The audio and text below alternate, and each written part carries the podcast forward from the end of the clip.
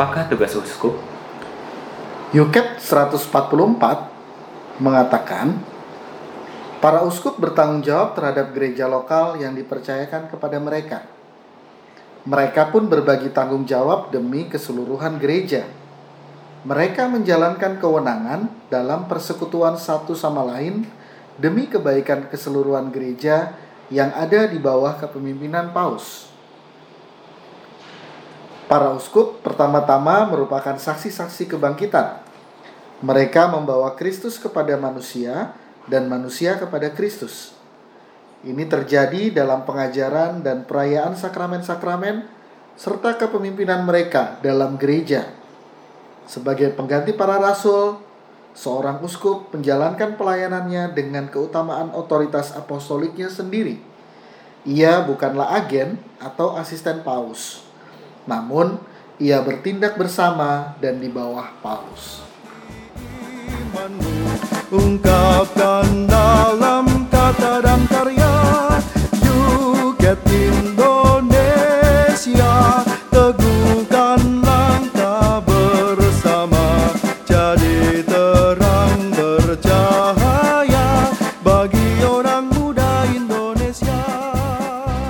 Halo Sobat Peziarah, selamat datang kembali di podcast Peziarah Fit Yuket Indonesia. Karena semua kita adalah peziarah. Baik lagi bareng saya William. Dan saya Willem. Dan saya Romo Uut. Nah hari ini kita mau bahas apa nih Willem? Tadi kan kita udah bahas tentang kardinal Will Kardinal ya. Lalu Romo Uut udah nyinggung ada kardinal, ada uskup. Hmm. Nah kita pengen tahu lebih jauh Sebenarnya apa bedanya kardinal, kardinal dengan uskup, uskup. Romo? Oh iya. Itu dulu Romo. Oke. okay bedanya sederhana uskup itu tahbisan oke okay. kardinal itu pelantikan okay. nah, maka tidak ada tahbisan kardinal nggak ada oke okay. tapi kardinal itu dilantik ketika ada salah klerus artinya entah diakon entah imam entah uskup itu kemudian dipilih untuk membantu bapak paus itu dilantik sebagai kardinal tapi tidak ditahdiskan tetapi uskup itu adalah tahbisan artinya uh, mendapatkan uh, anugerah ilahi di sana untuk menjaga menggembalakan kawanan domba yaitu gereja yang percayakan Allah. Maka kan ada tiga level tahbisan ya dalam gereja Katolik. Yang paling rendah itu diakon, hmm. lalu kemudian imamat, hmm. lalu uskup. uskup. Nah, itu maka uskup yang paling tinggi yang punya dalam tanda kutip kepenuhan tahbisan oh. uskup. Maka seorang tidak ada imam itu imam vagabond, imam pengelana tuh nggak ada. Imam selalu terikat pada uskupnya. Karena kepenuhan tahbisan bukan pada imamnya tapi pada uskup. Maka imam itu selalu ambil bagian dari tahbisan okay. uskup. Nah, itu dia. Maka itu itu yang membedakan kardinal dengan uskup. Tidak ada kardinal yang yang apa namanya yang bisa berdiri sendiri enggak. Ya, okay. itu. Seperti itu. Nah, kalau uskup kita juga sering mendengar istilah uskup dan uskup agung. Hmm. Nah, itu iya. bedanya apa lagi tuh Romo? Ya, uskup dan uskup agung. Enak kalau mungkin kita bandingkan dengan gereja ortodoks ya. Ada metropol sebagai uskup agung dengan keuskupan agungnya namanya metropolitan dan ada uskup-uskup kecil gereja-gereja di sekitar metropolitan itu. Maka uskup agung itu kan berarti keuskupan yang dinilai begitu penting hmm. dan kemudian di kanan kirinya ada keuskupan sufragan. Nah itu jadi tidak semua keuskupan itu keuskupan agung, tapi ada beberapa kota yang penting kemudian uh, mendapatkan gelar keuskupan agung. Oh, dipimpin oleh seorang uskup agung. Yeah, yeah. Lalu ada uskup-uskup keuskupan sufragan di sekitarnya. Ya itu ada di bawah juga naungan pimpinan pelayanan uh, secara tidak langsung oleh uskup agung yang yang lebih tinggi di sekitar uh, bagi keuskupan kedua keuskupan sufragan itu. Di gereja timur namanya metropolitan. Oke. Okay. Seorang metropol itu seorang uskup agung atau biasa disebut juga patriark. Oh. Patriark itu selalu seorang metropol, kepala dari metropolitan yang dalam bahasa gereja Katolik Roma itu keuskupan agung. Okay. Nah, itu patriark itu di situ. Seperti uskup agung sebenarnya. Oke. Okay. Ya. Kalau kata uskup itu sendiri muncul dari apa, Rom? Ah, dalam bahasa Indonesia saya kurang tahu ya, uskup kok bisa jadi uskup ya. Okay. Dalam bahasa Inggris kan bishop, dalam bahasa aslinya itu episkopoi. Ya. Episkopoi itu disebut sebenarnya kalau diterjemahkan itu pengawas, supervisi. Dia yang mengawasi kehidupan jemaat. Aslinya dari mana? Aslinya rupanya dari satu dalam tanda kutip sekte Yahudi hmm. yang namanya Qumran. Jadi ada kelompok golongan Eseni itu yang memisahkan diri dari orang Yahudi untuk tinggal di mana namanya di padang gurun. Yang kemudian dalam penggalian arkeologi ditemukan di sekitar daerah Laut Mati. Dalam perjalanan waktu rupanya kita semakin memahami kok bisa ya uh, gereja atau namanya persekutuan umat Allah itu punya punya sistem pemerintahan yang sampai sekarang kita kenal kok bagaimana? Rupanya itu berangkat dari dari sistem pemerintahan kaum Eseni atau kaum Qumran ini. Dalam komunitas Qumran itu ada yang namanya episkopoi itu yang mengawasi kehidupan seluruh komunitas. Episkopo ini dibantu oleh para presbiteros, yaitu kaum tua-tua. Hmm. Nah itu dia. Kalau kaum tua-tua presbiteros itu yang memberikan nasihat, ya kan, yang memberikan memimpin ibadat. Episkopo itu yang lebih teknis. Dia juga mengawasi administrasi, mengawasi keuangan dan okay. seterusnya. Nah, itu episkopo dalam uh, kaum Eseni, kaum Qumran. Rupanya cara memimpin di komunitas ini diambil alih oleh komunitas Yerusalem. Hmm. Kita tahu komunitas Yerusalem adalah komunitas induk gereja di gereja perdana. Okay. Maka yang menarik di situ uh, komunitas Yerusalem bercermin dari komunitas SNI digabungkan dengan cara memerintah orang Yahudi. Orang Yahudi itu presbiteros atau tua-tua itu paling penting ya.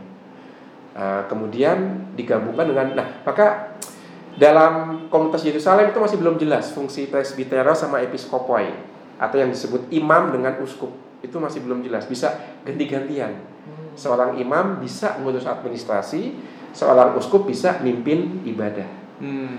nah, yang menarik adalah dalam kisah para rasul kita tahu para rasul nggak mau mengurus hal-hal yang materi duniawi ya ketika ada orang protes kepada Rasul Petrus. Rasul Petrus bagaimana ini kami orang Yahudi yang bukan dari Yerusalem kok oh, janda dan orang miskin kami nggak dapat jatah nih. Soalnya jatah semuanya uang uang sumbangan gereja semua dipakai sama orang Yahudi semua. Kami yang dari luar Yerusalem nggak dapat. Apa jawab Petrus? Aduh, tugas kami itu kan memikirkan sabda dan berdoa. Kamu angkat deh para diakon deh untuk ngurusin kamu. Lahirlah institusi baru yang tidak ada di Yahudi, tidak ada di kaum SNI, tapi ada dalam gereja Katolik namanya diakon. Okay. Yaitu yang membantu orang dalam hal uh, karitas, bela, apa namanya belas kasih untuk orang miskin. Pelayanan. Iya pelayanan. Maka lihat dalam gereja perdana sudah ada hierarki itu. Okay. Para rasul, kemudian presbiteros dan episkopoi dan diakon. Maka salah mengatakan hierarki itu apa namanya tambahan untuk gereja Katolik setelah gereja Katolik ketemu dengan budaya Yunani. Enggak. Bahkan secara teologis saya berani mengatakan yang muncul pertama kali dalam gereja adalah hierarki. Yaitu Yesus menunjuk 12 rasul yang ditugaskan memang menjadi gembala, menjadi pemimpin bagi uh, murid-murid uh, lainnya. Tapi yang menarik adalah hierarki ini institusi hierarki ini tidak untuk dirinya sendiri. Setiap orang yang ditunjuk menjadi hierarki dalam kelompok 12 rasul diminta memanggul salib dan mati untuk imannya untuk menjaga kawanan domba. Ah itu itu luar biasa itu. Maka ini sedikit joke aja kan ya. Di dalam gereja Katolik kan agak susah milih pemimpin. Ketika ada orang ditunjuk jadi ketua lingkungan, siapa sih yang mau? ya kan? Nggak ada yang mau karena memang kepemimpinan dalam gereja Katolik itu fungsinya pelayanan bukan jabatan. Tidak pernah dalam gereja Katolik mengatakan kami mendapat kursi ketua lingkungan. Karena menjadi ketua lingkungan tidak duduk di kursi, tapi jalan-jalan mengunjungi umat, ya kan, ngasih iya. surat undangan doa. Benar sih itu. itu dia, tidak pernah ada kursi, kursi untuk pemimpin kecuali tahta Petrus ya. Nah, tahta Petrus ya karena dikaitkan dengan kerajaan Roma. Tapi untuk kepemimpinan dalam gereja Katolik pelayanan. Maka ditekankan berulang-ulang bukan jabatan, tapi pelayanan. Nah itu yang menarik. Nah itu uh, episkopoi, presbiteros pada waktu itu belum begitu apa namanya dibedakan. Cukup dibedakan mulai masuk ke abad ke peta, peralihan abad pertama abad kedua dengan surat Ignatius dari Antioquia. Di situ mulai ada pembedaan antara imam dengan uskup. Hmm. Jadi Ignatius dari Antioquia itu penting dalam lahirnya hierarki gereja Katolik. Karena Ignatius mengatakan episkopoi, uskup itu dibantu oleh para imam. Beliau mengatakan uh, uskup uskup itu seperti pemimpin orkestra ya. dengan pemain pemain pemain alat musiknya itu para imamnya. Nah, itu menarik di situ. Uh, itu dia. Maka mulai jelas sekarang. Oh rupanya uskup itu dibantu oleh para imam dan para imam itu uh, tidak bisa berdiri sendiri tapi taat pada uskupnya. Maka kemudian juga abad ke akhir abad kedua ya ada ada tulisan lain yang mengatakan bahwa uskup itu memiliki tahbisan penuh. Jadi mulai jelas lagi nih. Maka imam itu fungsinya membantu uskup. Santo Irenaeus menambahkan lagi, uskup itu adalah penulis para rasul. Itu terutama untuk melawan ajaran-ajaran yang disebut aliran sesat gnosis. Itu gnosis itu berbahaya sekali untuk gereja Katolik waktu itu. Karena apa? Aliran gnosis itu mengatakan kami punya pengajaran dari para rasul yang rahasia, yang nggak ditulis di kitab suci. Oke. Okay. Iya kan? itu siapa sih nggak nggak nggak tertakan rahasia, ya kan? Waduh, lalu banyak orang itu berpindah berbondong-bondong ke gereja gnosis kami punya ajaran yang hanya diajarkan Yesus kepada para rasul dan para rasul sembunyi-sembunyi kepada kami loh. Wah itu kan menarik sekali itu. Irenaeus mengatakan, tidak, itu nggak benar. Kamu mengatakan itu rahasia dan kamu nggak bisa membuktikan ya kan? Karena kamu mengatakan itu rahasia, kamu nggak bisa membuktikan. Kami itu bisa membuktikan bahwa ajaran kami ini sesuai dengan ajaran 12 rasul. Nah, itu Irenaeus ah, mengeluarkan ajaran seperti itu bahwa para uskup adalah apa namanya pewaris pengajaran apostolik para rasul yang sifatnya tidak rahasia, tidak eksklusif untuk orang tertentu, hmm. tapi untuk semua orang karena ajaran Yesus bersifat terbuka. Ada dalam Injil mengatakan apa yang kamu terima secara bisik-bisik harus kamu apa namanya wartakan secara lantang di atas atas atap-atap rumah. Maka Yesus nggak pernah mengajarkan suatu secara rahasia, ya kan? Selalu mau mengatakan ungkapkanlah secara lantang. Itu Irenaeus dengan demikian mau mengatakan melawan gnosis nggak bisa gnosis dilawan dengan kitab suci. Mereka kitab sucinya juga sama dengan kitab suci orang Kristen pada waktu itu. Daripada berdebat soal kitab suci yang nggak jelas, akhirnya diputuskan. Irenaeus mengatakan kami uskup-uskup yang sah itu adalah keturunan secara rohani dari para rasul hmm. yang tidak ada rahasia-rahasiaan. Maka dalam gereja gnosis eksklusivitas itu sangat penting orang yang nggak kawin level rohaninya lebih tinggi daripada orang yang kawin ya kan? Lalu juga orang yang nggak kawin dan juga mendapatkan perwahyuan rahasia levelnya lebih tinggi lagi. Sementara dalam gereja Irenaeus dan gereja pada umumnya level-level seperti itu tidak ada. Seperti saya katakan tadi ada perbedaan dalam fungsi pelayanan. Tapi level kesucian itu bukan manusia yang memberikan ya, tapi Tuhan sendiri. Nah itu cara Irenaeus melawan gnosis yang sangat berbahaya pada waktu itu dengan mengatakan para uskup adalah pengganti para rasul. Hmm. Maka mereka ada garis yang jelas dari petugas rasul ke para uskup. Maka kuasa uskup yang paling penting adalah kuasa mengajar. Kuasa menjaga ajaran iman yang benar. Maka tugas utama uskup apa? Tugas utama uskup adalah pewartaan, hmm. pengajaran, magisterium itu sebabnya kemudian uskup dan para imamnya memakai yang namanya stola. Stola itu artinya tanda kuasa mengajar. Hmm. Nah, itu kan juga okay. banyak diambil alih oleh universitas-universitas ya pakai toga, pakai oh, oh gitu. Kalau dia spesialis para para dosen gitu ya, oh, mengajar dosen kan dari kata mengajar. Nah, itu itu aslinya di situ kuasa mengajar itu. Nah, itu itu masih dalam ruang lingkup Yahudi. Ketika kemudian Kekaisaran Roma mengangkat gereja menjadi agama resmi Kekaisaran abad keempat dengan Edik Milan, ah gereja nggak bisa lagi mengikuti sistem Yahudi dong. Maka mereka melihat efektivitas pemerintahan Romawi ini kok bagus juga nih dipakai di gereja.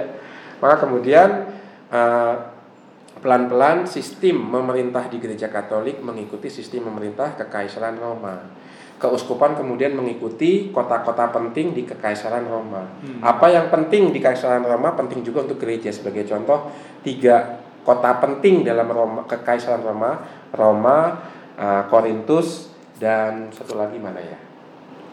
Efesus juga penting. Itu kemudian menjadi tiga kota penting juga untuk untuk gereja Katolik. Maka surat Rasul Paulus kepada Korintus ya kan, kepada umat di Efesus itu itu mau menunjukkan pentingnya kota itu dan situ ada pusat komunitas yang penting juga. Uh, tidak heran ketika kekaisaran Roma runtuh karena serangan bangsa barbar mulai abad kelima, khususnya 410, siapa yang menjaga kebudayaan Roma? Karena para pegawai negeri kekaisaran Roma pada lari semua. Kelurahan, kecamatan, apa namanya balai kota kosong. Yeah, yeah. Siapa yang menjaga sehingga kok uh, kebudayaan Roma tetap terpelihara? Para uskup. Karena persis kekuasaan uh, cara memerintah keuskupan mirip dengan cara memerintah pemerintahan. Maka ketika balai kota kosong, balai kota itu sebagai pusat pemerintahan kota, akhirnya keuskupan yang mengisi. Mengcover ya. Mengcover uh, apa namanya pemerintahan sipil yang kosong di, yeah, yeah. di, di kosong dia karena uh, penjajahan bangsa barbar itu. Lihat di sini ada ada satu uh, peran penting gereja khususnya menjaga gereja barat khususnya menjaga stabilitas politik dan keamanan bangsa Eropa waktu itu. Dua paus yang menjadi kepala pemerintahan Roma waktu itu Paus Leo dan Paus Gregorius Agung ketika Roma kosong dua paus ini yang melawan bangsa barbar ya. paus juga angkat senjata ya. melawan bangsa barbar gitu untuk membela supaya rakyat Roma tidak dijarah oleh bangsa Jerman waktu itu wow. dia kekuasaan uskup ya pelayanan uskup uh, bukan untuk jabatan tapi untuk memang untuk masyarakat tidak hanya gereja tapi masyarakat yang lebih luas juga yeah, yeah. nah itu dia itu. Nah, dalam prakteknya Romo ketika kita ketemu uskup, kadang-kadang yeah. tuh uh, ada tradisi Romo yang cium cincin. Cium cincin. Nah, itu apa Romo sebetulnya? Apa yang terjadi? Itu cincin keramat atau nah, apa Romo? cincin itu sudah sejak lama menjadi simbol identitas, khususnya identitas orang penting ya. Maka simbol kekuasaan tuh cincin. Bahwa aku punya kekuasaan, aku punya jabatan. Tidak heran film The Lord of the Ring ya kan? Yeah, yeah. Nah, itu cincin-cincin itu kan dibagi-bagi kepada tiap pemimpin di wilayah-wilayah Middle Earth siapa ya kan? Sauron dapat apa wah itu dia itu cincin. Maka sebenarnya cincin itu seperti saya katakan tadi terkait dengan pemerintahan Romawi yang diadopsi oleh gereja. Jadi itu bukan asli dari komunitas Yahudi tapi ketika mulai diadopsi oleh gereja ketika dekat-dekat pelan-pelan itu mengadopsi pemerintahan Roma. Banyak hal diadopsi oleh gereja Katolik, termasuk cium cincin tadi mau mengatakan ketaatan. Aku di bawah uh, dan tanda kutip ya kekuasaanmu. Maka ini sistem feodal sebenarnya. Aku tuan tanah, kamu bawahanku, ya taat. Kalau aku butuh upeti, kirim. Hmm. Itu sebabnya banyak uskup uh, kemudian mulai mengurangi cara-cara seperti itu ya karena itu memang diadopsi dari sistem feodal uh, Eropa Barat waktu itu. Ya itu mencium cincin seperti itu. Tapi bisa kita tafsirkan juga ketaatan kita pada uskup ya. Yeah, yeah. aku taat padamu uskup. Aku taat pada ajaran yang kau berikan ya. Aku siap melayani gereja dengan cara uh, siap diutus oleh engkau sebagai orang yang ditunjuk mengembalakan kawanan domba di keuskupan ini. Jadi bisa juga kita maknai dari sistem feodal itu menjadi sistem yang lebih uh, injili yaitu ketaatan. Itu itu penghayatan ketika mencium cincin uskup. selain cincin uskup juga punya tahta. Ah tahta keuskupan. Sekali lagi ya balai kotanya kota pusat, pusat kekuasaan kota itu adaptasi lagi dari dari kekuasaan sipil ke dalam kekuasaan gereja. Maka balai kota itu menjadi keuskupan ya kan? Enggak ah, ibu kok ibu kota menjadi keuskupan balai kota itu wisma uskup ya ada katedral ya. Katedral itu kan uh, kayak semacam tempat ibadah penting di, di di provinsi di ibu kota tertentu di kota tertentu. Maka katedral itu uh, menjadi tahtanya uskup. Maka uskup Roma kan juga punya katedral itu. Di mana katedral uskup Roma? Basilika, bukan di Basilika Santo Petrus. Basilika Lateran. Tapi di katedral Lateran. Ya itu itu katedralnya Roma tuh di Lateran. Nah itu. Maka uskup punya cincin, punya katedral, punya tongkat, ya. tongkat penggembalaan, ya kan, punya mitra. Mitra itu kan sebenarnya topi uh, mahkota kekaisaran Yunani, Roma, Bizantium ya. Oh. Maka baju-baju liturgi gereja Katolik itu diambil dari kebudayaan Yunani Romawi. Yang kalau saya ya itu kenapa kita dulu mengadap mengadopsi budaya Yunani, kenapa sekarang nggak mengadopsi budaya Jawa? ya Iya, Pak dalam dalam liturgi pakai pakai bahasa Jawa gitu ya. ya. Misalnya, misalnya ini pikiran bandel saya aja sih. Tapi itu memang butuh pembicaraan di konferensi wali. Iya. Oke, Romo. Ya. Nah, selain uskup yang kemudian menjadi uskup atau uskup agung, ada orang-orang tertentu yang punya gelar monsinyur, Iya. tapi nggak memegang otoritas. Ini maksudnya gimana ya, Romo? Iya, seperti halnya kardinal membantu paus, ada juga gelar-gelar kehormatan monsinyur yang dipakai untuk mereka yang tidak punya wilayah yurisdiksi dalam hukum Katolik ya. Misalnya apa? Di Prancis di gereja barat misalnya ada banyak gelar monsinyur disematkan kepada satu eh, romo yang ditunjuk bertanggung jawab atas tempat ziarah penting. Misalnya tempat ziarah Santa Teresia dari Lisieux itu yang megang tanggung jawab seorang imam punya gelar monsinyur. Yang kedua, romo rektor seminari juga bisa dapat gelar monsinyur karena kan seminari tinggi itu kan pentingnya untuk keberlangsungan suple dalam tanda kutip imam-imam di gereja Katolik itu juga dapat gelar monsinyur. Yang ketiga, monsinyur bisa dipakai juga untuk uskup auxiliar membantu uskup agung. Uskup setempat itu juga bisa. Dan pelan-pelan Bapak Paus Fransiskus hendak menghapus gelar-gelar itu Hmm. supaya sungguh uskup itu ya betul-betul uskup, Uskup.